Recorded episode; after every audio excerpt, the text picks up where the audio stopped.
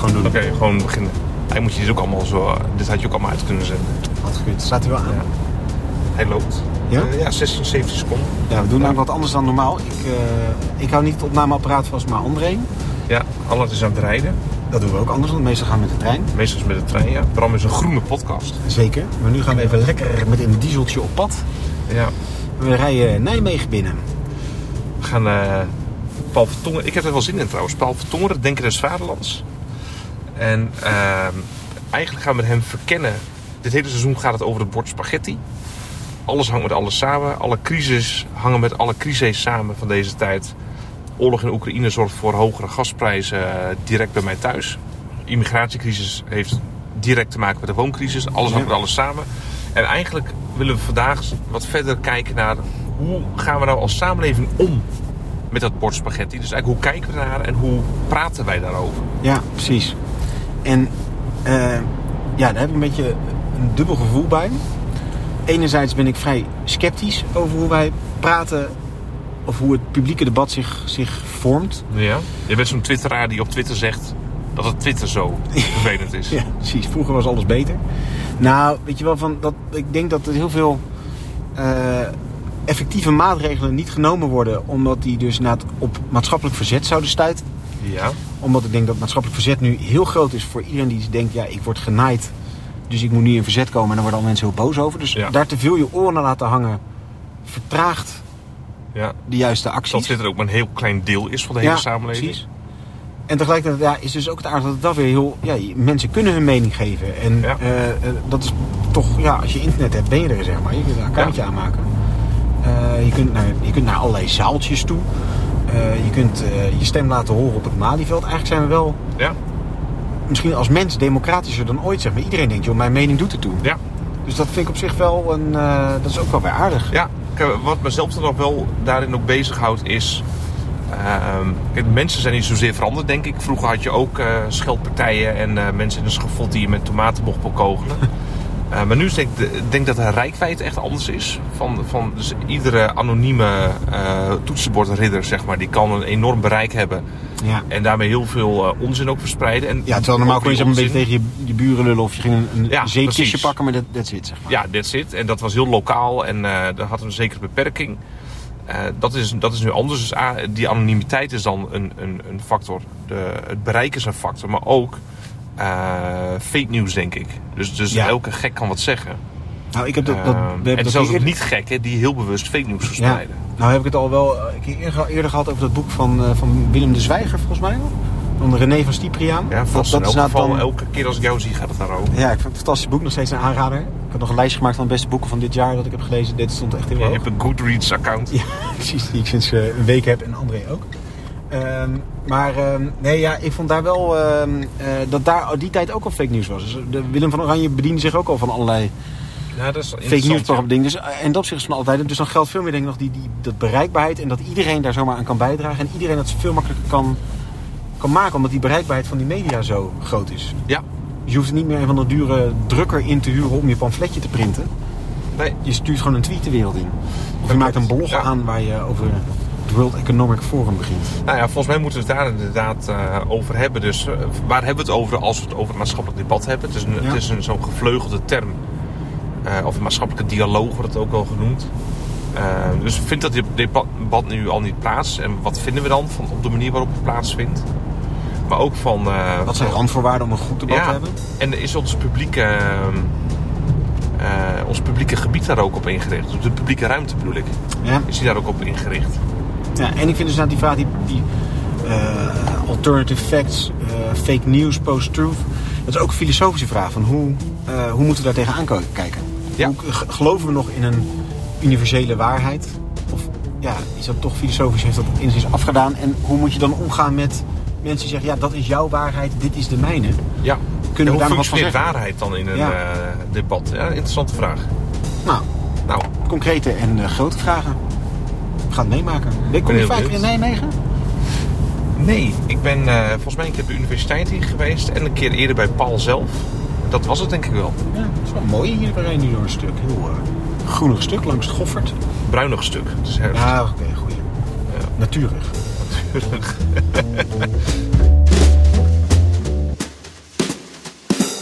Dag Paul, mooi dat we bij je te gast mogen zijn. En uh, wij willen het hebben natuurlijk over het publieke debat. En André en ik hadden het onderweg hier naartoe over van... gaat het nou goed met het publieke debat of niet? En zat een beetje, ja, we zaten er een beetje dubbelzinnig in. Ja, want je zou natuurlijk kunnen zeggen van misschien is er wel meer publiek debat dan ooit. Twitter, Facebook, uh, nu.nl, de nieuws ze hebben uitgebreide reactiesecties uh, onder hun nieuwsartikelen. Je zou kunnen zeggen, nou dat is een hele mooie ontwikkeling. Er, ben, er is meer gesprek dan ooit. Aan de andere kant is het natuurlijk ook een gesprek dat vaak ontspoort. Vaak onderbuik bevat, weinig kritische mening. Dus er zijn twee dingen over te zeggen. We zijn eigenlijk benieuwd hoe, hoe, hoe kijk jij aan tegen dat maatschappelijk debat van dit moment? Ja, ik vraag me af of er nou echt een maatschappelijk debat bestaat eigenlijk. We, we, we praten daar wel heel veel over. Überhaupt. Maar ja, we spreken veel over het maatschappelijk debat. Maar dat is nog iets anders dan een maatschappelijk debat. Ja, ja, ja. Want een van de dingen die, die mij opvalt als ik erover nadenk... is dat er voortdurend geroepen wordt om een maatschappelijk debat. Er is een maatschappelijk debat nodig over, nou ja, over vrijwel van alles. En dat gebeurt meestal, die oproep, in kringen waar daarover gesproken wordt. En dan is dat dus blijkbaar nog niet het maatschappelijk debat. Want de conclusie is meestal, we hebben een maatschappelijk debat nodig. Ja, ja, ja. Maar waar gebeurt nou dat maatschappelijk debat? Als het niet op al die plekken gebeurt waar erom geroepen wordt. Onder andere de politiek, daar zullen we het nog wel over krijgen, denk ik. Als het, als het daar allemaal niet gebeurt, waar zou het dan wel gebeuren? En als het nergens gebeurt, wat is het dan eigenlijk? Het maatschappelijk debat is, is iets merkwaardigs, zou je kunnen zeggen. Dat, dat begint een soort gecreëerde illusie te worden. Van iets wat we graag zouden zien, waarvan we tegelijkertijd voortdurend doorhebben dat het eigenlijk niet bestaat en misschien ook niet kan bestaan. Maar dat we dan maar bewaren of beschermen door voortdurend te roepen dat er zoiets nodig is. En dat we daarmee moeten beginnen en dat dat opgezet moet worden enzovoort. En, en op welke plekken gebeurt dat nu? Dat er geroepen wordt om nou, maatschappelijk debat? In de politieke arena wordt er om geroepen. Maar ook in, in alle mogelijke discussiegroepen die, uh, die op een of andere manier, zeg maar in, in zoiets als de Bali of, of in, in dat soort van centra, maar ook in de krant wordt opgeroepen. De krant is ook een soort discussieplatform, zou je kunnen zeggen. Wordt opgeroepen tot een maatschappelijk debat in de, in de talkshow, aan de talkshowtafels. Dus overal waar er over gesproken wordt, wordt gezegd dat het nodig is dat we daar een maatschappelijk debat over hebben. En dus moet je dan zeggen, blijkbaar is dat allemaal nog niet het maatschappelijk debat, maar wat is het dan wel? Ja. ja. Nu, ik, kreeg, ik kreeg langzamerhand de idee dat het, een beetje in grote grove lijnen gezegd, dat het maatschappelijk debat een soort, een soort, uh, uh, of het spreken over het maatschappelijk debat een soort poging is om een 19e eeuwse situatie te verplaatsen naar een 21ste eeuwse samenleving. Om een 19e eeuwse situatie, daarmee bedoel ik een politiek die nog, een samenleving beter gezegd, een samenleving die nog sterk hiërarchisch is. Ja. Die nog sterk een onderscheid heeft tussen een soort van elite en de grote massa. En waarbij die elite nog denkt te kunnen spreken over wat er voor iedereen, dus ook voor de massa, van belang is. Uh, en waar je ook in de 19e-eeuwse filosofie eigenlijk voortdurend ziet dat, dat wij verstandige heren over het algemeen met elkaar kunnen wel uitvinden wat voor iedereen het beste is. Dat is de sfeer van utilitaristische discussies eigenlijk voortdurend. Waarbij die wordt dus over het algemeen belang nog ging. Ja, ja, dus ja. natuurlijk. En het zijn vaak hele uh, idealistische en, en, en verstandige en, en, en, goed bedoelde uh, gesprekken die daar plaatsvinden en plannen die daar uitkomen. Maar ze worden gevoerd in een kleine groep ja. die van zichzelf weet. Wij hebben verstand van zaken, wij, kunnen, wij hebben een oordeelsvermogen en wij kunnen ook voor de anderen uitmaken wat, wat goed is. En, en, en daar even de, de, de gremia-vraag. In welke gremia vond dat plaats? Of welke media werden daarvoor gebruikt? In de breedste zin des woords? Mm, ik denk voor een belangrijk deel de, de, uh, de pers, de, de, de, de geschreven, uh, het waren geschreven discussies voor een belangrijk deel. boeken. De utilitarische schrijven boeken. John Stuart Mill. Essays. Soms pamfletten. Het is natuurlijk de tijd waarin de krant begint te ontstaan. Um, en dat betekent, de, de, de krant van die tijd was echt een andere krant dan de onze. Dus wij hebben een krant om het nieuws van de dag, als het ware, te zien. Maar heel veel van de vroegste kranten waren eerder wat wij nu tijdschriften zouden noemen, zou je kunnen zeggen, waar, waar essays, waar beschouwingen eh, in, in stonden. Naast natuurlijk ook wel nieuwsdingen. Dus dat was het, het debatforum, zou je kunnen zeggen. Uh, en degene die dat debat voerden, waren ook degene die voor een belangrijk deel, denk ik, degene die leidende posities hadden in de samenleving. Dus men sprak met elkaar over hoe men met elkaar de zaak zou organiseren voor iedereen. Dat laatste was zeker ook aanwezig. Nu, die sfeer van zo'n gesprek, een gesprek van verstandige heren onder elkaar over. Ik herinner me dat ik, het is al wel lang geleden hoor, maar toch in mijn levenstijd, een keer een stuk, een, een, een, een interview of een artikel in, in een van onze kranten las. Uh, ik denk, het zou heel goed trouw geweest kunnen zijn, want het ging over de vraag of de christelijke traditie een bijdrage kon leveren aan zoiets als een maatschappelijke moraal. En uh, een van de discussianten daar was een oud uh, eh, VVD-senator van Riel Echt lang geleden. Onze tijd, ja. maar een, een beruchte of beroemde VVD-senator... die de status had die, die Wiegel nou heeft, zeg maar. Zo'n zo'n type. Oh ja, mastodont. Ja, een mastodont. En die zei in dat gesprek... Eh, toen hem gezegd, als voorbeeld werd gegeven... nou, de tien geboden bijvoorbeeld... dat komt toch uit de Joodse en christelijke traditie... dat is toch een belangrijk recept ook voor... En Van Riel zei toen, ach als wij met een paar verstandige mensen bij elkaar gaan zitten, dan bedenken we dat zelf ook wel. Nu, dat, dat was eigenlijk dat was nog een 19e eeuw bijna. Nu, die sfeer, die is kenmerkend. Of daar, dat bedoel ik als ik het heb over 19e eeuwse voorstelling van wat een maatschappelijk debat is. Dat is niet een debat met de hele samenleving. Daar dacht men geen moment aan. Natuurlijk, die arbeiders die gaan niet allemaal meepraten. Dat kan helemaal niet. Laat staan al degenen die werkloos zijn. Dat, maar wij moeten goed zorgen voor het volk. En wij praten daar met elkaar over hoe dat het beste kan. De elite voert het maatschappelijk debat. Ja. En dat is dan een debat over hoe de maatschappij, hoe de samenleving eruit moet zijn. Ja. Maar dat is veranderd in een debat wat door de samenleving gevoerd moet worden. En nu de samenleving van iedereen. De samenleving die denk ik, voor het eerst in de geschiedenis echt door en door een massa-samenleving geworden is. Wij, wij, wij leven in het tijdperk van de volledige emancipatie van de massa, zou je kunnen zeggen. Eh, hoe, hoe uitzicht dat? Op alle mogelijke manieren. Uh, uh, bijvoorbeeld als het gaat over het maatschappelijk debat. Iedereen heeft het volste recht om op gelijke basis met iedereen en met alles zich te bemoeien en met iedereen daarover te praten. Ja. Um, en uh, in een nieuwsvoorziening, in, de, in het journaal of in, in de kranten, wordt niet alleen de minister of de verantwoordelijke uh, figuur geïnterviewd, maar worden mensen van de straat geïnterviewd over wat zij vinden van wat er nu gebeurd is. Ja, de, Foxpop. Ja, en ja. op de talkshow, aan de talkshowtafels uh, zitten uh, soms wat deskundigen, maar zitten vooral ook alle mogelijke anderen. En als er deskundigen zitten, dan kunnen de anderen die niet deskundig zijn op dezelfde manier meepraten over het onderwerp als datgene wat de deskundige te zeggen heeft. Uh, de cultuur is een cultuur van uiteindelijk de massa. Dus dat, dat de de muziekcultuur van een klassieke muziekcultuur. En daar gaat het niet om, om waardeoordelen of dat de een beter of ander is. Maar ik denk dat je kunt waarnemen dat in de laatste, nou wat zal ik zeggen,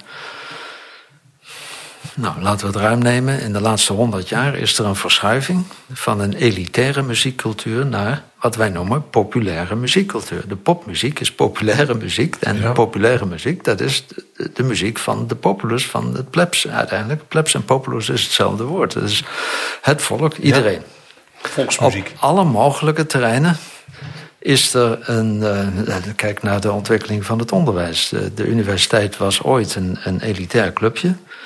En nu moet je toch je bijna verontschuldigen als je geen hoger onderwijs hebt. Dat wil zeggen, niet minstens een HBO en, of anders liefst universitair De, de universitaire programma's zijn radicaal veranderd, omdat het er niet meer om gaat om eh, dat is niet helemaal waar. Het gaat er ook nog wel om om de beste eruit te halen. Maar voor een belangrijk deel gaat het er ook om om te zorgen dat die grote groep meekomt. Examens worden getoetst op de vraag of niet meer dan 30% zakt bij de eerste gelegenheid. Want anders klopt het examen niet. Oh ja. Eh, dus de, de massa, van de volgorde. De massa moet er ook doorheen. En het klinkt als een soort ouderwetse reactionaire praat, als ik dat zo zeg. Maar je moet proberen dit te beschrijven, volgens mij, zonder het waardeoordeel daar meteen in te stoppen. Ja. Er is feitelijk een verschuiving naar, die op allerlei terreinen van de cultuur zichtbaar is, waarin die idee van het onderscheid van een elite en de andere of waar de idee van een hiërarchische eh, structuur, eh, of van de idee van een vormingsproces, of iets allemaal dingen die, die met elkaar staan, eigenlijk vervangen is door wij samen zijn allemaal gelijk en moeten op gelijke wijze meedoen, meepraten, meegenieten, meekrijgen, mee enzovoort. Ehm, en dat is een belangrijke vooruitgang voor een deel. Zeker. Dat is een enorme vooruitgang. Uh, want dat betekent dat, dat allerlei vormen van onderdrukking uh, veel radicaler aangepakt kunnen worden. Dus een van de kenmerken van onze tijd is misschien wel dat, ze, dat allerlei vormen van onderdrukking ineens zichtbaar worden. En ze worden zichtbaar om, ja, precies vanwege deze structuur. Ja. Als het niet meer vanzelf spreekt dat de ene mens boven de ander staat, dan gaat degene die zich nog steeds onder voelt zeggen van hé, hey, ik ben er ook nog. En, en diegene die zogenaamd boven mij staat, die doet iets wat niet mag. Ja. Uh, want we zijn gelijk en, en we spreken gelijk en we moeten op een gelijke manier delen en, en, enzovoort. Nu, in zo'n samenleving, en dat is een radicaal andere samenleving volgens mij dan, dan de 19e eeuw. Zeker, ja. En ik, ik, zie dat nog steeds als een van de. Dus ik wil zo gauw ik weer tijd heb, als ik geen denker des vaderlands meer hoef te zijn. uh, dan ga ik me verdiepen in, in het verschijnsel van de, de massacultuur. Dus er zijn een aantal grote boeken die, die stammen al van. Dat begint zo'n beetje, denk ik, begin van de 20e, eind van de 19e eeuw. De studie van wat eigenlijk een massa is en hoe een massa beweegt en hoe een massa uh, zich organiseert. Wat voor processen daar spelen. Uh, Aan wat voor werk moeten we dan denken? Uh, Ortega y Gasset ja, natuurlijk, dat is een belangrijke auteur. Maar ook... Uh, de opstand van de massamens. Elias Canetti, dat was ik aan het lezen voordat ik denken werd. Maar dan, als je dat eenmaal hoort, dan kan je het lezen. ja. Massa en Macht, een schitterend boek. dat is nog een, een klassieker van een... ik weet eigenlijk niet of een Amerikaan of een Engels man is. waarvan de naam mij nou ontschiet. Nou ja, dus er is nog zo'n belangrijke klassieker over, over het fenomeen van de massa. daar zijn volgens mij heel belangrijke teksten van mensen die dat al veel eerder uh, gezien hebben. En natuurlijk, we hebben ook eerdere uh, verschijnselen van, van, van massabewegingen al gehad. Maar wat volgens mij karakteristiek is voor onze tijd, is heel sterk wat ik noemde die, die volledige emancipatie van de massa. Ja. Want een massabeweging als een revolutie is nog iets anders. Ja. De massabeweging als een, een vervoering door een vurer, zeg maar, die een massa op touw weet of op, op, op sleeptouw weet te ja, nemen. Is alsnog weer hiërarchisch. Precies, daar, daar zit nog eigenlijk ook, dat is nog iets anders dan een, dan een zelfstandige massa. Ja. De massa die niet meer hiërarchisch aangestuurd of gecreëerd wordt, maar die, die, die zichzelf tot stand brengt. Soms denk ik ook, je hebt, je hebt begrippen nodig die uit een ander soort, uit een ander soort wetenschap komen. Ik, misschien is het naïef wat ik zeg, ik ben geen socioloog, dus misschien dat sociologen daar allerlei belangrijke dingen over gevonden hebben. Maar soms, zoals, zoals de netwerkstructuur heel sterk is binnengekomen in ons denken sinds de digitale, digitalisering, zou je kunnen zeggen. Zo, zo moeten we ook iets als een, een soort terminologie vinden voor de autonome processen die zich in een massa afspelen. Ja. Nu, ja, want die ook nooit helemaal ongekaderd en door niets geleid worden. En allemaal volledig autonome, atomaire wezens zijn die maar wat doen. Maar die dus wel door een soort golfbewegingen beïnvloed worden en gestuurd. Zonder dat er een verticaal verband in zit. Ja, ja. Nou ja, dat. Minstens zou ik dat willen, nader willen onderzoeken. Ja. Of dat zo gaat of hoe dat precies gaat. Want er zijn natuurlijk ook nog steeds manieren waarop bepaalde eh, machtsposities zich meester maken van de massa. Ja. Dus als wat, wat ik laatst hoorde dat eh, eh, programma's door, en, door de NPO beoordeeld worden. eh, niet op kijkcijfers zo, zozeer, maar op de kijkcijfers onder een welbepaalde groep mensen, tussen 25 en 45 ongeveer. Omdat dat de groep is waar eh, commercials op afgestemd zijn. Ja, dan zie je dat een bepaalde machtspositie, een economische machtspositie in de samenleving, zich meester maakt van een massamedium als de televisie. Ja. Eh, dus het, het is niet uitgesloten dat er nog steeds machtige actoren zijn. Maar die organiseren niet zozeer de massa. Die maken gebruik van iets wat er in de massa gebeurt. Ja, je zou dan kunnen zeggen dat, dat de massa niet eh, alleen maar massa is, dus het totaal van de samenleving, maar dat er ook een soort centrum misschien is en een periferie. Dus je hebt, en dat wordt misschien commercieel bepaald, van dit is de interessante, beeldbepalende eh, groep binnen de massa. Hoe zie je dat? Dus dat, Ja. dus dat, het, dat, dat daar ook weer een soort, misschien bijna commerciële hiërarchie in de massa zit. Dus daar richten we ons op. Dat is niet op het belang en op het, op het totaal, op het belang van allen en het totaal van, van het geheel. Maar op een bepaalde groep die de kleur bepaalt van hoe wij massa zien.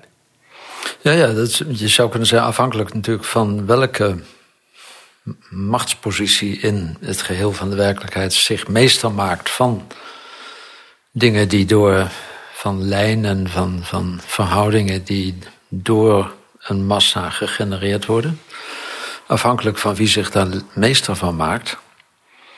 ehm, eh, ont- ontstaat mogelijkerwijs een, een, een eigen hiërarchie of ontstaan, ja, misschien heel gevaarlijke lijnen ook. Dat we zeggen, als, als, als de massa,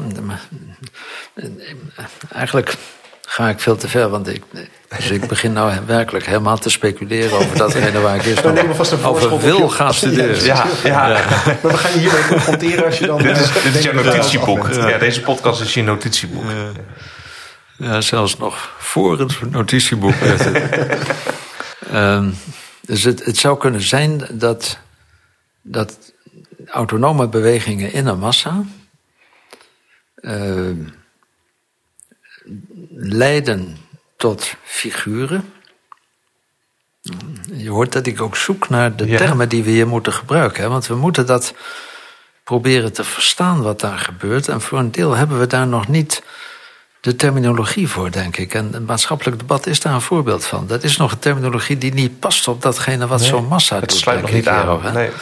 Maar dus bepaalde figuren kunnen daaruit voortkomen, uit, uit massabewegingen.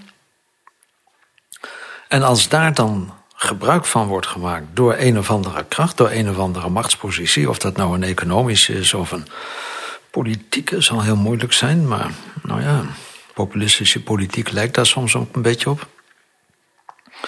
Ehm, ja, dan, dan, dan ontstaat iets heel merkwaardigs. Dan, dan wordt degene die leiding geeft aan, die sturing geeft aan een proces, iemand die zelf ook afhankelijk is van dat proces. Ja, je krijgt bijna de structuur van Ja. populistische politiek, zou je kunnen zeggen, hè, die, de, die de massa nodig heeft Ja. om daar gebruik van te kunnen maken, maar voortdurend met handen en voeten gebonden blijft aan Ja. de massa die hem zijn kracht Ja, geeft. omdat er geen natuurlijke hiërarchische verhouding eigenlijk is, maar een permanente wederzijds afhankelijkheid. Ja. Misschien een Ja. interessant voorbeeld is dat eh, het ministerie van Volksgezondheid tijdens de coronapandemie influencers heeft ingezet om hun boodschap van ga je laten vaccineren aan de man te brengen. Ja, ja. Dus eh, het ministerie heeft influencers betaald om dat op hun, via hun kanalen te verspreiden. Ja. Dat En- zijn en precies- van die zelfgecreëerde Ja. figuren binnen eh, in die En, en processen. deze is opmerkelijk, terwijl het natuurlijk de, de betaalde commerciële kant gewoon gemeengoed is. Eh, Dat, dat een Kim Kardashian betaald krijgt voor eh, posts. Ja. Maar ook dat het inmiddels een statussymbool is voor Instagrammers om betaald te krijgen voor een post. Omdat je daar een product in plugt. Dus dat Ja. geeft aan dat je belangrijk bent, Ja, want ik heb betaalde content. Dus dat, ja. ja. En dat fenomeen van de influencer zou wel eens een voorbeeld kunnen zijn van zo'n figuur die gecreëerd wordt door de mechanismen in Ja. de massa. Ja, zo interpreteer ik hem in ieder geval gelijk. Ja. Ja. dus ik weet Ja. niet of het woord Ja. influencer een goede lading dekt. Maar dat is Ja. ja, in ieder geval Ja. een voorbeeld van zo'n... Ja, dat is wel interessant, want dat loopt bijvoorbeeld op een social medium als eh, Instagram door elkaar. Je hebt natuurlijk de gewoon van vroeger uit beroemde mensen als filmsterren. Eh, en je hebt nu de mensen die zijn beroemd binnen het platform geworden. En veel mensen buiten het platform, die zullen ze niet eens kennen. Ja. Eh, maar die zijn beroemd omdat ze op dat platform beroemd zijn. Dat is heel nieuw. Het is logisch dat een zangeres of een Jennifer Aniston als actrice bekend is. Want die waren voor Instagram ook al bekend. Maar je ziet nu inderdaad een nieuwe groep bekende mensen. Die zijn via het platform bekend. Ja, en om dan nog één tra- tand gekker te maken, heb je dan weer tv-programma's waar BN'ers in voorkomen. Waarvan een deel van die BN'ers zijn mensen die bekend zijn geworden via Instagram. Dus die komen via een soort achterdeur Ja. de traditionele bekende mensenwereld binnen. Ja. Nou goed, dat allemaal als schets van die massa. Want zo kwamen we op het publieke debat. Dat kon in de 19e eeuw door die oude heren eh, gevoerd worden. die een elite waren en over het geheel aandachten. En je zegt eigenlijk dus, ja, vandaag de dag hebben we gewoon nog niet zoiets als een maatschappelijk debat anno Nee, want wat zou dat 2022. kunnen zijn? Dus voor een debat heb je nodig eh, debatteerders die op zijn minst op een of andere manier bij elkaar moeten komen om met elkaar te debatteren, te discussiëren over eh, een gemeenschappelijk probleem, over een gemeenschappelijk voorgestelde vraag. Maar de massa komt nergens samen. Eh, De massa is overal. Ehm, eh, de, de, En nergens. en, en, en daarmee ook, ook Ja. nergens. Bovendien is de massa altijd te groot. Dus je, je krijgt onvermijdelijk. Dat is ook zo'n figuur die ontstaat uit de massa. Je krijgt allerlei subgroepen, zou je kunnen zeggen. Eh, De social media met de zogenaamde bubbels en zo zijn natuurlijk het voorbeeld bij uitstek. Maar in zekere zin zijn ook. Ja, natuurlijk, kranten zijn ook massamedia. En, en, en eh, radio en tv zijn ook massamedia. Eh, en, en niemand leest alle kranten. En niemand luistert naar alle radiozenders. Dus ja, on- onvermijdelijk zit je ook daar in een soort van, van bubbel.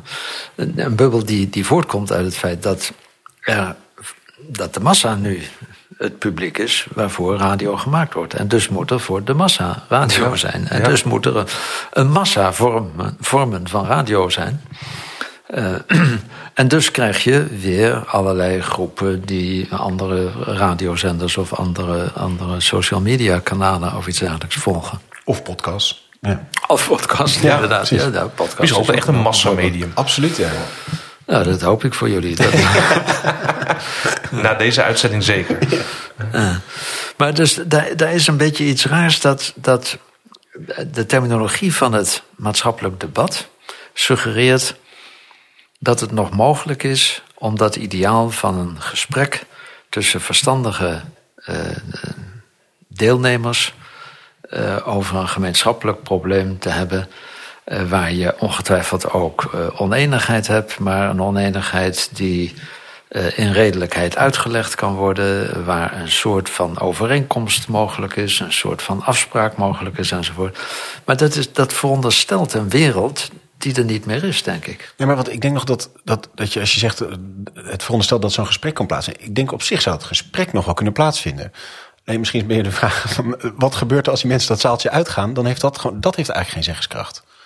Of denk je dat het ergens dat hele gesprek niet kan plaatsvinden? Op zich kunnen wij prima een zaaltje met hele slimme, capabele mensen een goed gesprek laten voeren. Ja, maar dat is Alleen een gesprek Ja, tussen precies. een paar mensen. Maar dat, Nee, precies, dat, dat- is niet ja. het, het gesprek waar de samenleving spreekt. Nee, het gaat echt over bij de die, impact die verdwenen is eigenlijk. Bij die elite was het de samenleving die sprak, ook al waren het maar Ja. tien verstandige heren.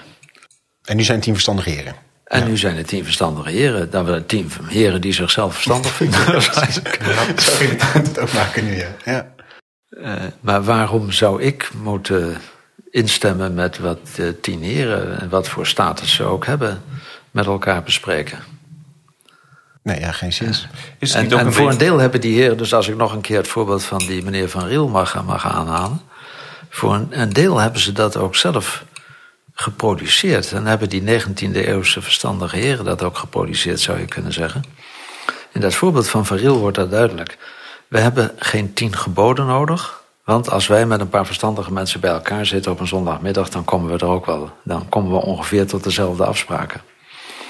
Dat we zeggen, we hebben geen transcendente bron of geen overgeleverde waarheid of geen, geen religieuze sanctie nodig. Het is een kwestie van gezond verstand. Ja. Nou ja, op het moment dat iedereen kan zeggen: waarom denk jij dat jij gezonder verstand hebt dan ik? Is daarmee nou, ook het hek van de 19e eeuwse verstandige heren Ja, van ze de hebben Dam. zichzelf eigenlijk geëgaliseerd op een elite niveau, maar Ja. vervolgens zijpelde dat door naar de rest. En, en misschien is dat ook een goed voorbeeld om duidelijk te maken dat wat ik zeg geen, geen klacht is over eh, het verderf van de moderne tijd of iets dergelijks. Want, want wie, wie zou ik zijn om nu te gaan verdedigen dat we een transcendente bron nodig hebben? Bovendien, een transcendente bron kun je niet verdedigen. Ik bedoel, die, die, die is er, die dient zich aan of, of niet. Maar je kunt niet zeggen, laten we die nog eens terughalen. Nee. Want dan is het geen transcendente bron meer. Ehm, maar Nee, maar het, zijn wel, het zijn kenmerken van onze samenleving die we serieus moeten nemen als we ons zorgen maken over datgene wat soms wordt uitgedrukt in termen van we hebben een maatschappelijk debat Ja. nodig. Ja. Daar zit een probleem onder. Maar, Wat te weinig zichtbaar wordt als je er er zit net een probleem onder. Maar en, en zeg je eigenlijk ook misschien hunkeren we dus wel naar wel toch een goed gesprek tussen mensen die ons zouden kunnen leiden? Of zeg je nou, zover zou ik het niet willen trekken? Want dat is ergens natuurlijk, dat kun je ook zeggen. We verlangen naar dat er weer eens mensen zijn die een goed gesprek voeren en die ons kunnen vertellen waar het in de lieve vrede een beetje heen moet. Taal en verlangen. Ja, Dus een psychoanalytisch eh ja we gaan. eh, tour begin je nu. Ja.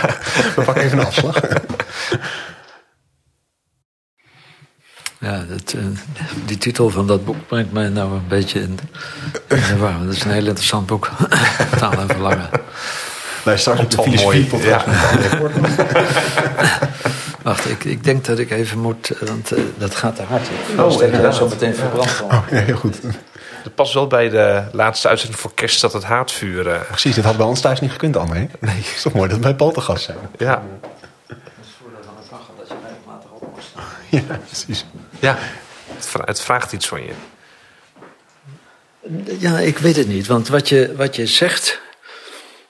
klinkt als ik even mijn, mijn lijn van denken nu voortzet. klinkt een beetje als toch weer een poging om het ouderwetse maatschappelijk debat terug te halen en te zeggen. dat moet dan misschien komen om leiding te geven aan wat in de massa. Ja, nou, het gaat er niet zozeer om eh, of, dat we, of we dat zouden moeten willen. Maar dat als we zeggen dat we heet het roepen om maatschappelijk debat. Is dat misschien toch naar een soort heimwee naar een, dat klassieke oude, eh, oude maatschappelijk debat? Of in al die zaaltjes en plekken waar geroepen wordt om een maatschappelijk debat. Is dat oprecht een hunkering naar een nieuw vormgegeven maatschappelijk debat? Of wensen we ergens die oude heren weer terug die een zaaltje bedenken? Ja, of, of eh, als ik iets sceptischer ben aan de reflecties van Paul... Van, is het ook niet een beetje jargon geworden voor de politiek... in een soort gekunstelde poging van... ja, wij willen wel aandacht blijven geven aan de massa... maar ondertussen zijn er nog steeds de tien heren die het besluiten.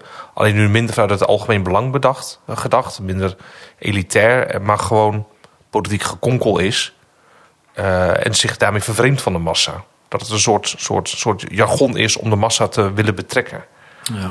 Maar dat is heel sceptisch eh, ge- geredeneerd. Ik weet niet, of, voor mij zijn dat eerlijk gezegd. Is dit een punt waarop. Eh, zeg maar. moediger of krachtiger denkers dan ik misschien grote visioenen kunnen gaan ontwerpen over wat er mogelijk is. Ehm, de, misschien is het nodig op dit punt om echt dingen te construeren die een totaal nieuw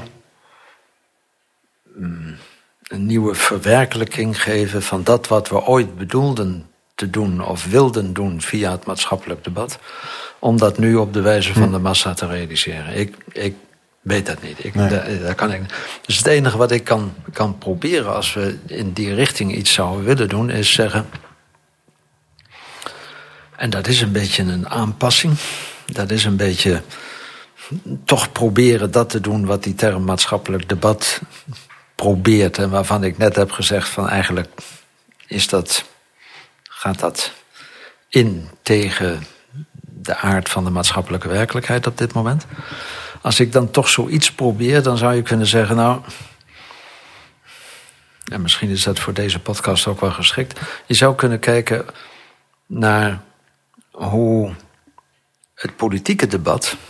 Want in ieder geval hebben we met een, een, een parlementaire democratie een structuur die nog geënt is op dat idee van het debat. Als we die nou niet meteen overhoop gooien en daarvoor in de plaats iets bedenken wat ik nog niet kan bedenken, kunnen we proberen in het politieke debat meer recht te doen aan het feit, als dat een feit is, dat het maatschappelijk debat eigenlijk een soort ja, contradictoren term is geworden. Dat we zeggen, als dat een term is geworden die niet meer past op datgene wat, het, wat, wat maatschappelijk is, wat als maatschappij bestaat. Dus kunnen we enerzijds uitgaan van de erkenning van de massasamenleving die geen elitaire structuren meer toelaat, geen hiërarchische structuren meer toelaat. En die in alle domeinen van de cultuur tot een, tot een massa-cultuur geworden is. Een massa-economie, een massa-sport, een massa-kunst, een massa-muziek, een massa-wetenschap enzovoort. Als, als we dat erkennen, en als we erkennen dat in zo'n soort van massa-samenleving geen, uh, geen debat kan plaatsvinden omdat die massa nooit bij elkaar komt om te debatteren, omdat die massa ook geen, geen gemeenschappelijke taal heeft. Ja. Want je moet oppassen dat je de massa niet eh, te homogeen gaat maken. Dat het een massa is, betekent niet dat het een homogene massa is. Het is een massa vol met alle, allerlei figuren, maar, maar er is geen structuur meer in. Dat is wat, wat het tot een massa maakt. Ja, was het nog een, een hele eenvormige massa, dan zou je relatief makkelijk met elkaar ja, gesprek ja, hebben. Ja, ja. Het gaat niet over het gebrek aan diversiteit, maar over een nieuwe structuur, over het, het ontbreken van structuur. Ja, het ontbreken van structuur, waardoor je niet meer kan krijgen dat wat een maatschappelijk debat wil, namelijk dat je door een confrontatie van de verschillen in een gemeenschappelijke taal tot een gemeenschappelijke uitkomst of afspraak kan komen. Dat is het idee van een maatschappelijk debat. We, we, denken verschillen, maar we, ons denken is allemaal denken. Dus dat denken heeft een gemeenschappelijke taal. Waarin we verschillende opties, verschillende belangen, verschillende posities hebben. Maar door die gemeenschappelijke taal kunnen we het bij elkaar brengen, uitwisselen, vergelijken, vereffenen, kleiner maken van de verschillen en uiteindelijk tot een, redelijke afspraak komen. Dat is het idee van een maatschappelijk verdrag. Ja. Of van een, een, een, maatschappelijk debat. En ook een maatschappelijk verdrag natuurlijk. Maar dan naar die politiek, want ergens zou je dan zeggen: Goh, was er maar een gremium waarin we als massa mensen zouden kunnen afvaardigen die met Italië, elkaar gaan nadenken. Italië heeft het geprobeerd. Is de Tweede Kamer. Maar Italië heeft het geprobeerd met die platformpolitiek.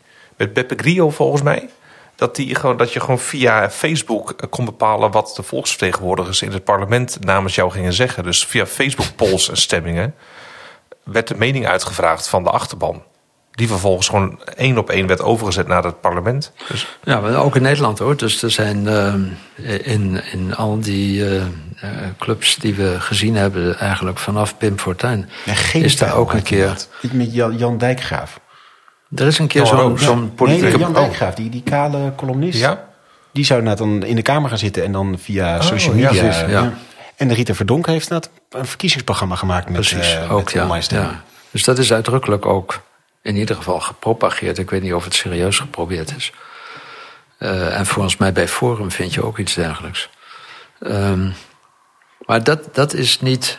Dus dan, dan ga je de, de, de, de, de chaos van de massa. Ja. ga je zelf tot politiek verheffen. Uh, dus als ik mijn verhaal probeer te sturen in een richting van wat kunnen we nou doen of wat kan de politiek doen als ze erkent dat we in een massasamenleving zitten, Ja, dan kan dat niet betekenen dat we die massa gewoon moeten kopiëren in het parlement. Want dan, hebben we ook- Ja. dan, dan heb je het precies afgeschaft. En De, dan, de politiek dan moet is er geen, tegenover zijn. de politiek moet iets anders doen, maar moet daar wel gebruik van maken. Moet, moet op een of andere manier erkennen dat de samenleving een massasamenleving is. Moet ook erkennen dat in de samenleving geen maatschappelijk debat kan plaatsvinden zoals we dat aanvankelijk eh, noemden. Of moet erkennen dat datgene wat we ten onrechte maatschappelijk debat noemen, op een heel andere manier bestaat in die samenleving. Namelijk in die verstrooide en, en vaak polemische en vaak ongearticuleerde of slecht gearticuleerde of eh, weet ik wat je er allemaal van kan zeggen, manier waarop op Facebook eh, dingen staan, waarop op Twitter gescholden wordt, waarop eh, eh, krantenlezers zich opsluiten binnen één krant, of waarop in, in, in talkshowtafels gepraat. Dat, dat, op al die plekken waar gezegd wordt, eigenlijk hebben we een maatschappelijk debat nodig, daar vindt eigenlijk plaats datgene wat in de plaats komt van het maatschappelijk debat en waarvan de politiek gebruik moet maken, denk ik. Ja. Waar de politiek op een bepaalde manier zich toe moet verhouden. En dat lijkt me eigenlijk de meest interessante vraag. Wat zou de politiek moeten doen om daar op een adequate manier op voor te bouwen, gebruik van te maken, ehm, ehm, iets als een debat van te maken? Want, want hoe, hoe kijk je nu naar het, het, publieke, het, het publieke debat in de Kamer? Is dat Nou ja, een dus plek waar dat, dat, dat, dat gebeurt dus niet. Dus een van de dingen die zou moeten gebeuren, is dat op zijn minst in de Kamer ehm, echt, echt gediscussieerd wordt. En natuurlijk moet ik oppassen, want wat wij zien van wat in de Kamer gebeurt, is voor een groot deel mm, gebaseerd op de plenaire debatten, die eigenlijk geen debatten zijn, maar vertoningen voor eh, voor, voor de bühne, voor, voor die massa die daar op een of andere manier mee eh, beïnvloed wordt. Zwaaien Dus- naar je achterban. eh, ja, Hugo de Jonge. zwaaien naar je achterban. Dat is een, goed, eh, een goede benaming daarvan.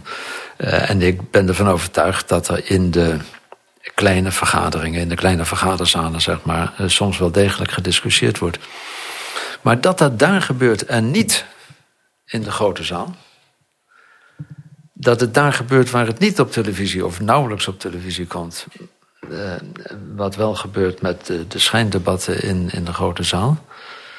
Eh, dat is zelf volgens mij eh, tekenend en, en, en hoogst problematisch. Dat wil zeggen, wat er zou moeten gebeuren is volgens mij dat in het parlement en in de grote zaal op een inhoudelijke manier gediscussieerd wordt over de onderliggende ehm, ideeën, waarden, idealen enzovoort. Ideologieën zou je kunnen Ja, zeggen. ja. Een ideologisch debat.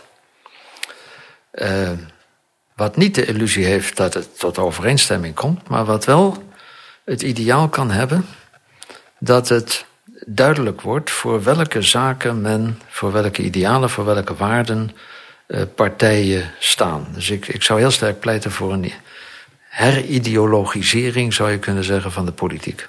Ja. Dat lijkt me heel belangrijk. Dat is één ding.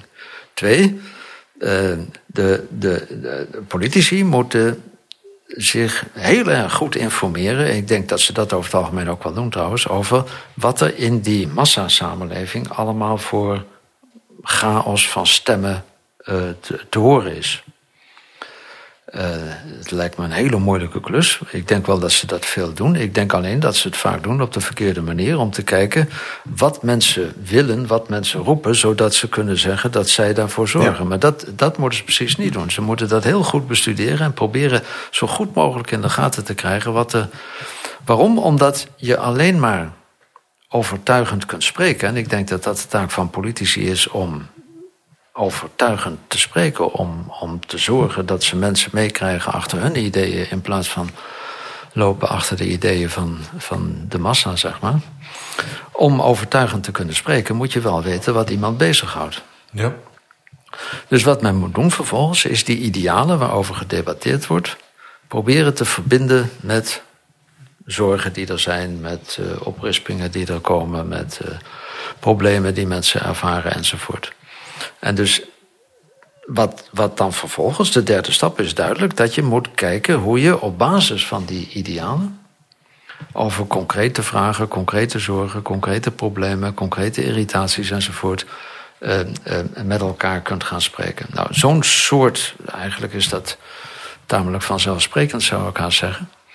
Maar het vraagt een, een, een, een ander begin. Het vraagt ja. niet. Het vraagt erom dat men op de eerste plaats die discussie over de idealen laat plaatsvinden. Daarvoor is, achtergrondidee daarbij is volgens mij heel belangrijk. Dat is voor de hele kwestie van het zogenaamde maatschappelijk debat van groot belang. Dat dan onderscheid gemaakt wordt tussen wat ik in mijn periode als denker des Vaderlands voortdurend heb geprobeerd te maken. Het onderscheid tussen feiten en betekenissen. Niet zozeer feiten en meningen, dat is een verkeerde aanduiding. Feiten en betekenissen. Feiten kun je kennen, kun je vaststellen. En daar hebben we deskundigen voor die feiten kunnen vaststellen. Dat is niet de taak van de politiek. Politiek mag zich daarop gewoon feit, wetenschappelijke, technische expertise beroepen. Feiten zijn uiteindelijk vast te stellen. Maar dat kun je maar zeggen op het moment dat je feiten onderscheidt van betekenissen. En dat onderscheid zo begrijpt dat zowel het feit als de betekenis op zichzelf niet los van elkaar bestaan. Hm. Er bestaat geen feit dat niet geïnfecteerd is door betekenis. Er bestaat geen betekenis die niet op een of andere manier verweven is met, met feitelijkheid. Maar die twee abstracte zaken, feit enerzijds, betekenis anderzijds, die twee op zichzelf abstracte zaken vragen wel om een ander soort benadering. Het feit kan worden vastgesteld. De betekenis moet worden bereflecteerd. Uh, nou, en daar komen datgene wat ik eerder aanduidde met een ideologisering van de politiek. Een ideologie is een geheel van fundamentele interpretaties van wat van betekenis is. Uh, of iets belangrijk is of niet, of iets waardevol is of niet, of iets uh, interessant is of niet, of iets veel of weinig is. Ook, nou ja, veel of weinig kan je feitelijk nemen. Ja, maar, maar, is, maar is betekenisvol geladen van... Ja, is het erg als er tien mensen in Ter Apel buiten slapen? Als is het dat erg, veel of het erg is of niet, dat, dat is weer een typische uh, uh, betekenis. Maar het puur feitelijke is dat honderd mensen meer is dan tien... en minder is dan duizend. Dat is het enige wat je kunt, op feitelijk niveau kunt zeggen. Ja. Maar of dat erg is, of wanneer het erg wordt, dat is een kwestie die je op een of andere manier moet ontwikkelen vanuit ideeën over wat waardevol is, wat waardigheid is, wat, wat menselijk is, weet ik. En dan, dat, dan komen de grote termen. En die grote termen, dat zijn alleen maar de pijlers waarop een netwerk van betekenissen hangt. Betekenissen die allerlei concrete gedaanten aannemen als dat is toch schandalig wat daar gebeurde. Of toen ging het toch echt te ver. Dat is een concretisering van iets wat je op basis van zeg maar grotere pijlers van betekenis uh, probeert aan te geven. Nu, de discussie in het parlement moet op de eerste plaats die pijlers van betekenis aan de orde stellen. En daarover moet publiekelijk gediscussieerd worden door dat clubje wat we daarvoor apart hebben neergezet, zou je kunnen zeggen. De feiten kun je voor een belangrijk deel eigenlijk voor, als je maar erkent dat het feit een abstractie is van de concrete werkelijkheid, zoals de betekenis een abstractie is, als je maar erkent dat dat een abstract aspect is. En de feiten dus niet nooit voor zich spreken? En dus, die spreken nooit voor zich. Feiten spreken nooit voor zich. Nee. Zodra iemand zegt, de feiten spreken toch voor zich, dan heeft hij zijn eigen interpretatie van de betekenis in de feiten verstopt. Ja. Uh, dus de erkenning van het, van het onderscheid tussen die twee en van de altijd aanwezige verbinding van die twee abstracte aspecten in de concrete werkelijkheid. Dat is fundamenteel volgens mij. Dat, dat, dat, moet een soort gemeenschappelijk uitgangspunt zijn. Dat feiten abstracties zijn, dat betekenissen abstracties zijn, dat ze hun eigen uh, manier van intellectuele toe-eigening hebben, kennis, vaststelling of interpretatie, denken. Politiek heeft de taak om dat denkwerk uit, uit te werken, zou je kunnen zeggen. En in dat kader dan vervolgens te luisteren, te kijken, te, te, te lezen wat er in de massa allemaal gebeurt. En te proberen om, zoals je die feiten moet verbinden met de betekenissen, dat ook te doen in een taal die verstaan wordt in, in, die, in die massabewegingen. Hoe, hoe moeten we in dit, dit kader eh, tussen feit en betekenis kijken naar eh, een concept als, als eh, fake news? Ja. Het, in mijn eigen hoofd gaat het gelijk al van dat we zo gewend zijn om op feitelijkheden te sturen en weg te bewegen van betekenis in politieke discussies. Dus wat weer zeggen, ja, feit dit. Daar zijn we een soort onomwonden allemaal over eens. Zeker als het denk ik in valuta uitgedrukt is, dan is het helemaal zo van ja, maar dit kost zoveel euro en dat zoveel, dan is dit beter. Koopkrachtplaatjes, et cetera. Dat haast wel lijkt om de enige manier om dat open te breken, gewoon met andere feiten komen is.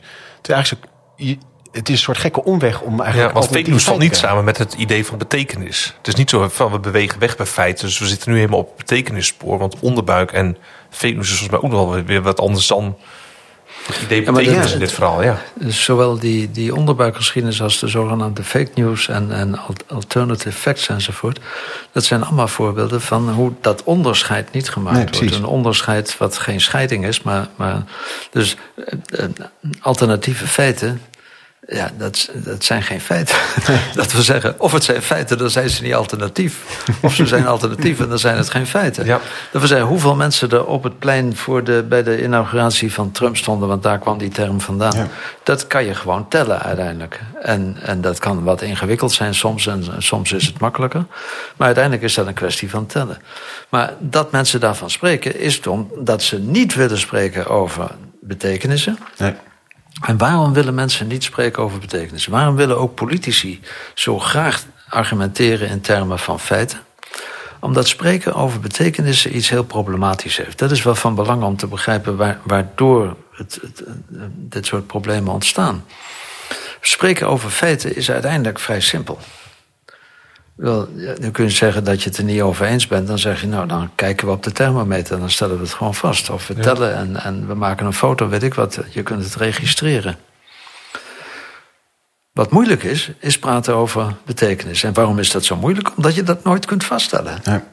Dus je, je hebt ook nooit definitief gelijk als je spreekt over betekenis. Dus je moet, je moet altijd, je moet de zaken die veel belangrijker zijn dan feit, zou je kunnen zeggen, moet je verdedigen in het besef dat je nooit zeker weet of je gelijk hebt. Dat er eigenlijk geen echt definitief gelijk bestaat als het gaat. Dus dat, als het gaat om ideologieën, de strijd tussen ideologieën niet te overwinnen is in een soort overkoepelende, allesomvattende, eh, ware ideologie. Er, er is onvermijdelijk veelheid op Ja. dat niveau van de ideologie. Er is nooit een end of history te vinden daarin. Is het ook niet een hele postmoderne constatering van, van dat is waar we het mee te doen hebben? De vele verhalen naast elkaar en daar zoeken we een weg in? Ja, dat klinkt mij zoals sommige zogenaamd postmoderne eh, opvattingen wel vaker klinken, maar het niet per se hoeven te zijn. Dat klinkt mij te relativistisch. Van, Ja. Er zijn nou eenmaal veel, dus... eh, Kijk, Ja, de, mijn vraag Dat- is, hoe voorkom je dat relativisme dan? Dat je nooit zeker kunt weten of je gelijk hebt met je formulering van waarden, zeg het maar even zo, betekent niet dat je die waarden niet waardeert. Eh, eh, Dan wordt het des te belangrijker. Ja. Kijk, een feit, ik ga met ieder, iemand niet vechten over een feit. Dan zeg ik, ja, als jij denkt dat eh, wat er honderd zijn, dat dat er duizend zijn. nou Ja, dan, bedoel, je kunt tellen en als je niet wilt tellen, dan maar niet. Dan, daar ga ik niet over in discussie. Maar als jij iets schandalig vindt wat ik prachtig vind, ja, dan ga ik in gesprek. Want dan denk ik, dan moet ik uitleggen waarom ik dat praat. Juist omdat ik het nooit zeker kan weten, juist omdat er geen objectieve registratie mogelijk is, kan ik niet anders dan in een uitleg van wat ik zie, in een proberen te ondermijnen van wat jij meent te zien, eh, te, te proberen op een of andere manier bij jou de overtuiging tot stand te brengen die ik al heb. Of andersom, als ik het bescheidener zeg, mijn overtuiging te laten aantasten door jouw twijfels. Ja. Maar dat is omdat het niet geregistreerd kan worden. Terwijl een feit wat geregistreerd kan worden, ja, daar ga je niet over discussiëren. Dat tel je en dan heb je. Je moet alleen uitkijken. Als iemand dan zegt, de feiten hebben voor zich gesproken, want we hebben geteld. Dan Nee. moeten we eerst een analyse maken en zeggen, nou heb je je betekenis, je interpretatie gestopt in het feit. Dus laten we dat eerst even uit elkaar halen. En dan over de betekenis en de interpretatie van de betekenis gaan praten. En dan vindt het echte gesprek plaats. Ja. Nu, dat is moeilijk. dat onderscheid van feit en betekenis, wat enerzijds eigenlijk heel voor de hand liggend is volgens mij, is van de andere kant heel moeilijk om te maken. Juist omdat het in de concrete werkelijkheid altijd door elkaar heen zit. Daarom is het niet zo gek dat je zegt, we hebben dat zogenaamde maatschappelijke debat in de zin van dat de hele samenleving debatteert. Dat is flauwekul. Dat we ze moeten daar blijven praten en schreeuwen en, en opstaan en revolutie maken en actie voeren. En uh, al die dingen, daarin bestaat het, maar dat wordt nooit één debat. Nee. Ook niet in, in, in grote, hoe heet dat, G1000 uh, constructies enzovoort. G1000, dat zijn er ook maar duizend. En dat zijn er alsnog heel veel om een goed gesprek te hebben. Ja. Het is veel en weinig. ja, ja. Dus dat, dat, dat moet allemaal gebeuren. Maar we hebben daar zo één zo'n clubje in, in Den Haag. En wat die moeten doen is precies dat moeilijke werk van steeds uit elkaar halen. Wat is nou feitelijk? Dat kunnen we aan deskundigen overlaten. En wat is een kwestie van betekenis? En daar moeten wij met elkaar over spreken. En vervolgens moeten wij proberen aan al die groepen mensen enzovoort in de samenleving duidelijk te maken waarom wij een keuze maken. Dat is niet op basis van de feiten, dat is op basis van de, betekenis, de betekenisconstructies die wij ja. naar voren hebben gebracht en met elkaar in discussie houden. Ja, het zou eigenlijk wel helpen had als politie explicieter met twee woorden zouden spreken: met van uh, we constateren A en daar kennen wij B deze betekenis aan, want achterliggend is onze bredere gedachte over samenleving C of zoiets. Zo'n soort, ja, dat zou heel vermoeiend zijn als je dat bij elke uiting doet. Maar ja. in plaats van te roepen 16 is schandalig, zeg inderdaad. Ja. 16 is het getal. Uh, wij vinden daar dit van en dat komt uit deze gedachte voort. Ja. Zo'n ja, soort. Dat zou en, de structuur moeten zijn. Zou Wat daarvoor op de eerste plaats nodig is. Ik heb wel eens gedacht, waarom gebeurt het eigenlijk niet? Wat daar op de eerste plaats voor nodig is, is dat je over die betekenisachtergrond, die kaders, die ideologie, dat je daarover ook openlijk discussieert. En dat vindt volgens mij zelden of nooit een discussie, bijvoorbeeld over de verhouding tussen vrijheid en gelijkheid. Ja. Dat is nou een van die grote klassieke problemen ja. op, op ideologisch niveau. En rondom de 1G-discussie eh, met vaccineren. Toen ontstond er iets van zo'n discussie tussen vaccinatiedwang, vaccinatiedrang, tussen het geheel en het individu. Maar dat werd onmiddellijk vertaald ja. in. Ja, maar als ik niet wil, dan mag ik toch zeggen dat ik. En, enzovoort. Ja, precies. En, en, ja. Dus dat zat onmiddellijk verbonden en in een bepaald element van het, van het massa-discours, zeg maar. En ten tweede in de verbinding van de, van de feitelijke processen op dat moment met de vaccinatie en, de, en, en, en, en de, hoe heet het, het, het virus. Maar, het had een ideologisch debat kunnen worden. Ik heb wel eens gedacht, waarom, waarom zou je niet Volgens mij heeft. Uh, dus Ernst Heers Berlin vertelde mij wel eens dat hij. in de tijd dat hij minister was. dat hij. ongetwijfeld moet dat zijn met een, een groep mensen uit zijn departement. dat hij een soort vaste regelmaat had van eens in de. ik weet niet hoe vaak. Het zal maar niet eens in de week geweest zijn, eens in de maand misschien. Een bijeenkomst had waarin ze niet over concrete casuïstiek, hm. maar over dit soort algemene waarden die het politieke werk steunde, eh, hield. Waarom zou dat niet? Dus op een departement lijkt me dat al behoorlijk moeilijk. Maar in de Kamer lijkt me de plaats bij uitstek ja. dat je dat doet. Nou, voor mensbeeld ook bijvoorbeeld. Uh, ja, hebben het idee dat mensen in principe de boel gaan flessen. En moeten we dus de boel heel strak dichtregelen? Of denken we, nou, in principe gaan mensen het wel zijn sympathiek, gaan het wel goed inregelen. En gaan we vanuit die filosofie insteken. En zoiets moet je denk ik wel, wel, wel begeleiden. Maar ik denk dat je daar filosofen en denken voor, voor de kan voor hebt. nou ja, ik zeg niet dat die. Maar, maar ik denk wel dat dit is een beetje het werk van de filosofie. Ja. Om te kijken hoe je over fundamentele kwesties serieus met elkaar in debat kan gaan. Want in eerste instantie, ja, we zijn allemaal voor vrijheid natuurlijk. Ja, maar goed, maar wat betekent nou vrijheid? En dan ja. kun je aan de hand van allerlei soorten begrippelijke onderscheidingen, uh, toegepaste casuïstiek uh, historische uh, theorieën enzovoort, kun je proberen om een, een, een, een, parcours van discussie op gang te brengen, zodat je best een, een, een hele dag op een interessante manier met vertegenwoordigers van de grote partijen een discussie kunt hebben over wat bedoelen we nou eigenlijk met vrijheid En hoe waarderen we eigenlijk vrijheid? Waarom waarderen we eigenlijk vrijheid? En wat, wat, wat voor soort vrijheid waarderen we dan eigenlijk? En als deze vrijheid in gevaar komt door een andere vrijheid, wat, wat bedoelen we dan met vrijheid? En blijkbaar is er nog iets anders dan dat algemene begrip vrijheid. Nou, da, daar kun je toch zinnige gesprekken over voeren en over nadenken. En dat kan vervolgens een kader zijn. Natuurlijk, dat lost de problemen niet op, de concrete problemen. Maar dat kan wel maken dat je in een discussie over een concreet probleem, bijvoorbeeld coronamaatregelen of zo, kunt zeggen tegen je tegenstander: Ja, maar kijk, jij hebt toch zelf ook gezegd dat je onder vrijheid eigenlijk dit verstaat. En dat je vrijheid op die manier waardeert in verhouding tot andere waarden enzovoort. Hoe kun je dan deze maatregel verdedigen in dat kader? Dan krijgt ook zo'n concreet probleem krijgt een, een, een, een bredere inbedding eigenlijk. Ja. Uh, waar ik nog uh, benieuwd naar ben, van, van dit gaat vooral over de, de, politieke invulling van, van feit en betekenis bijvoorbeeld. Vraagt het ook iets van, even mij als onderdeel, eh, of gedrieën zoals we hier als onderdeel van de massa zitten, vraagt het iets van de massa? Dat we zeggen, nou, er zou wel een bepaalde revolutie binnen die massa mogen plaatsvinden, omdat er nu dingen ontsporen rondom fake news of post-truth.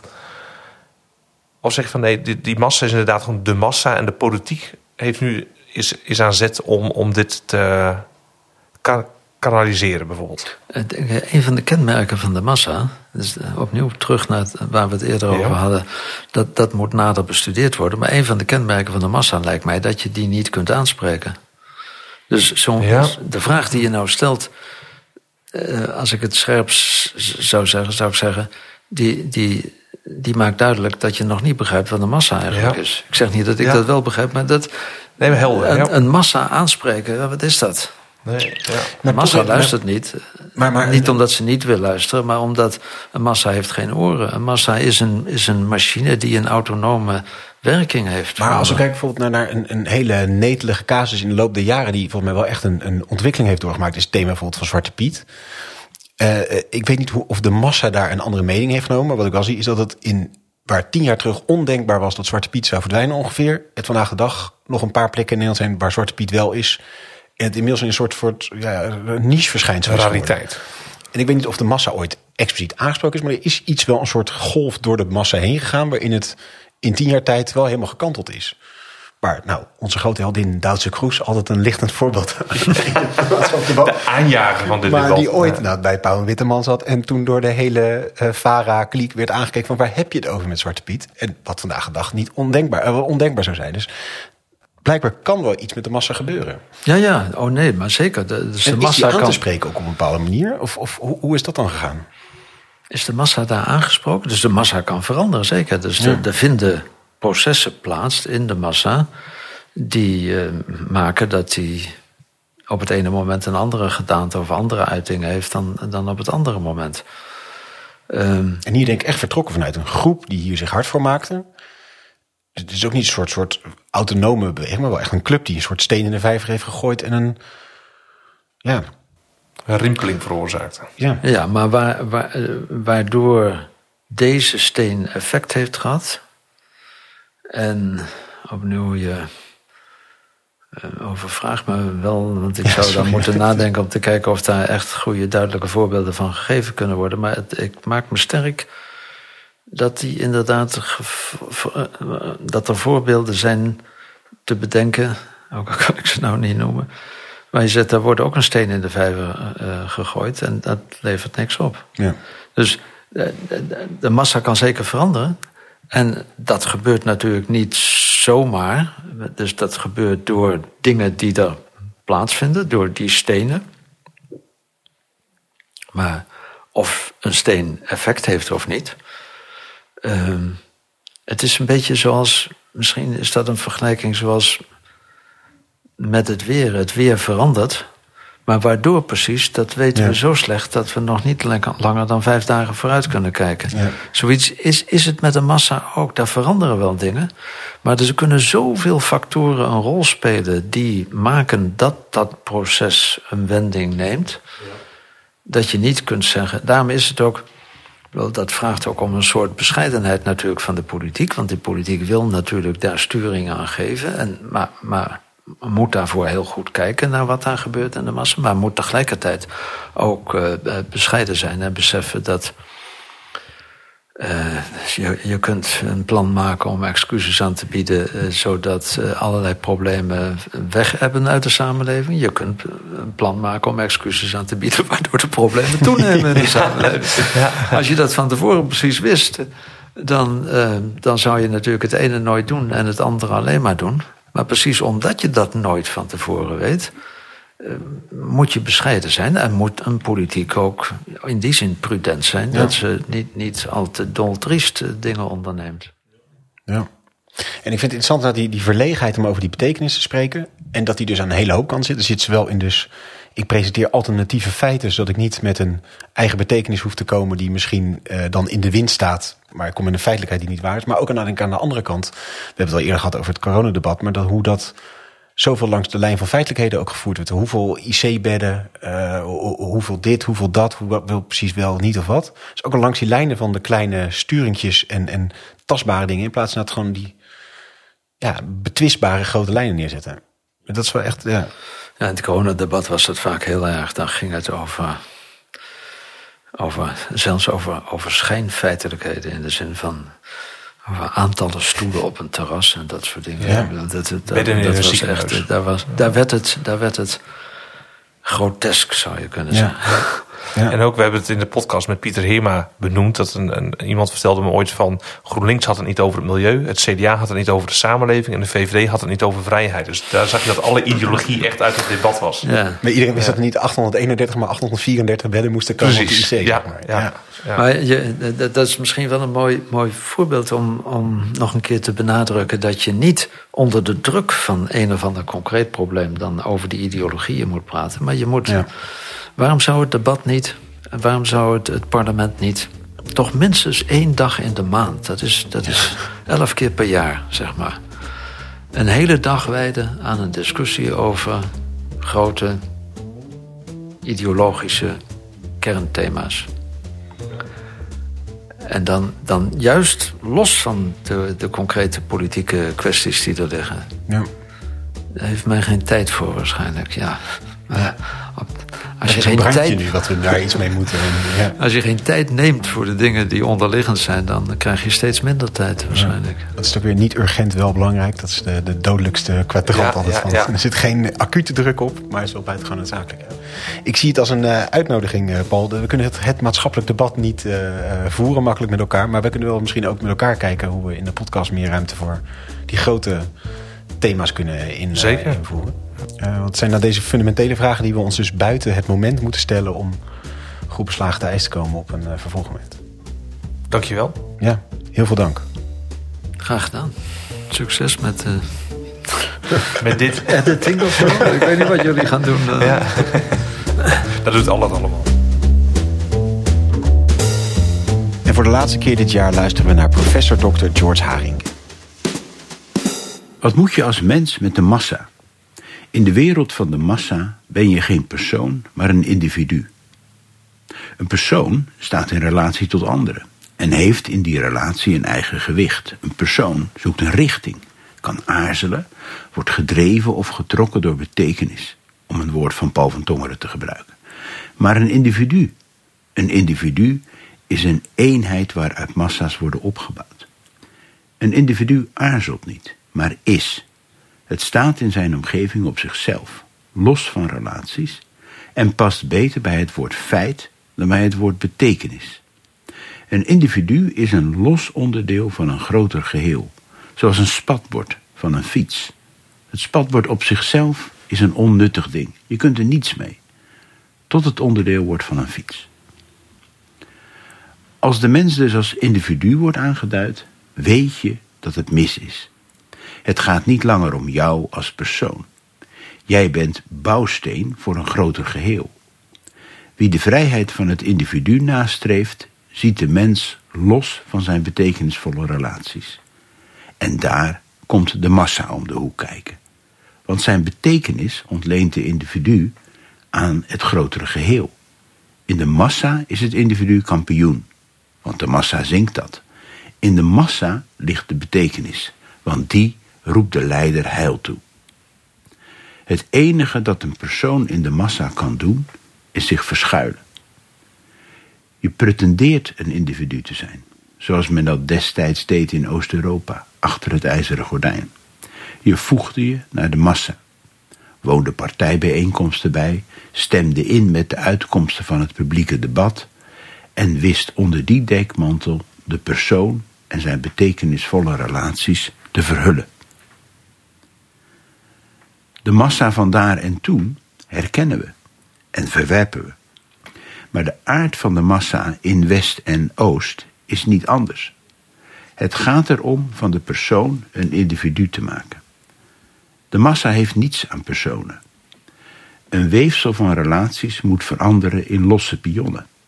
Elke politiek die bij het geheel begint, bij de staat of de natie, bij inclusie of volkseenheid, loopt daarom aan de persoon voorbij. Elk publiek debat moet dan een uitkomst hebben. Het was daarom aangenaam Paul van Tongeren te horen uitleggen dat het publieke debat wel geagendeerd wordt, maar feitelijk niet wordt gevoerd. Een massa kan niet debatteren. Een individu ook niet. Debatteren, dat kunnen alleen personen. En hoe meer die zich op de massa richten, hoe meer ze op een individu gaan lijken. De persoon en de massa, ze verdragen elkaar slecht. Aldus professor Dr. George Haring. Dank voor het luisteren naar deze aflevering van Bram de Podcast. De laatste van dit kalenderjaar. Maar vrees niet, begin volgend jaar zijn we er weer. Abonneer dus vooral, want begin volgend jaar spreken we PG Kroeger. We hebben het dan over de versplintering in de Nederlandse politiek. Kunnen ons nu verbazen over hoeveel partijen er bijvoorbeeld in het parlement zitten. Maar met PG kijken we naar het verleden en dan zien we dat versplintering eigenlijk juist de regel is en grote machtsblokken de uitzondering. Heel graag tot dan en voor nu, goede kerstdagen en een gelukkig 2023.